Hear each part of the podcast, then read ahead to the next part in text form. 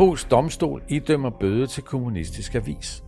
Redaktører på Polens kommunistiske avis og dets hjemmeside er blevet idømt en bøde på hver 1000 slotti. 1600 kroner for at sprede såkaldt totalitær ideologi, selvom domstolen to gange har frikendt dem for anklagen. Den 17. marts idømte distriktsdomstolen i Dabrova Gornica i det sydvestlige Polen en bøde på 1000 slotti, godt 1600 danske kroner, til hver af de tre redaktører på den kommunistiske avis Brask og dens hjemmeside. Deres forbrydelse er ifølge dommen, at de har fremmet en totalitær ideologi, skriver Polens kommunistiske parti. Bøderne skal indbetales til en polsk fond for assistance til ofre for totalitære regimer.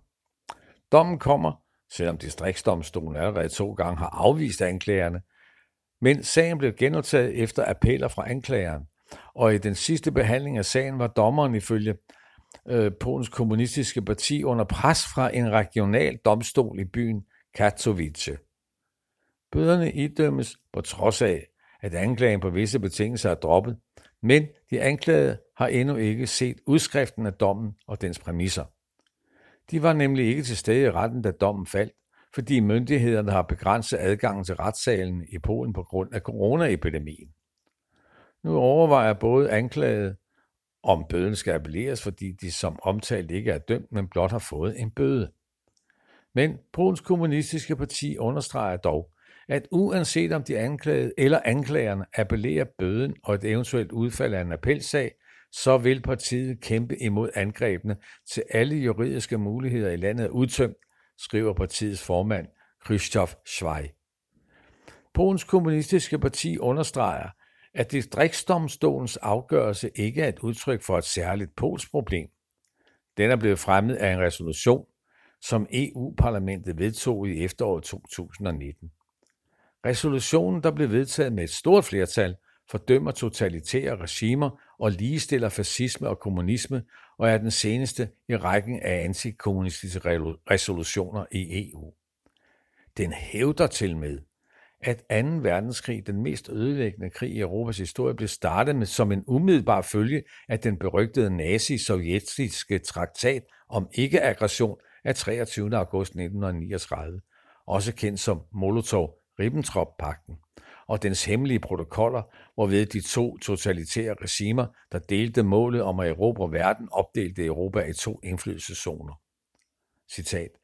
Anklagerne mod kommunister i Polen er ikke kun et lokalt fænomen.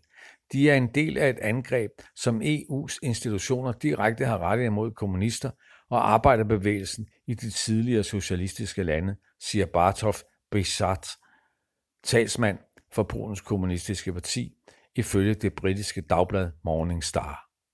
Polske kommunister anser forfølgelse på grund af politiske holdninger som en form for totalitarisme i sig selv, fortsætter han. Han mener, at den, citat, moderne kapitalisme bevæger sig farligt tæt på, hvad man forstår ved en totalitær statsform, især i lyset af, hvor langt statens og virksomhedens kontrol er over samfundet. Du har lyttet til en artikel fra Arbejderen. Abonner på vores podcast på iTunes, eller hvor du ellers hører din podcast. Du kan også klikke ind på arbejderen.dk for meget mere journalistisk indhold.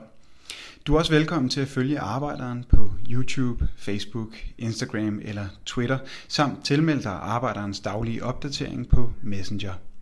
Vil du i kontakt med redaktionen, kan det ske ved at sende en mail til redaktion arbejderen.dk. Tak fordi du lyttede med.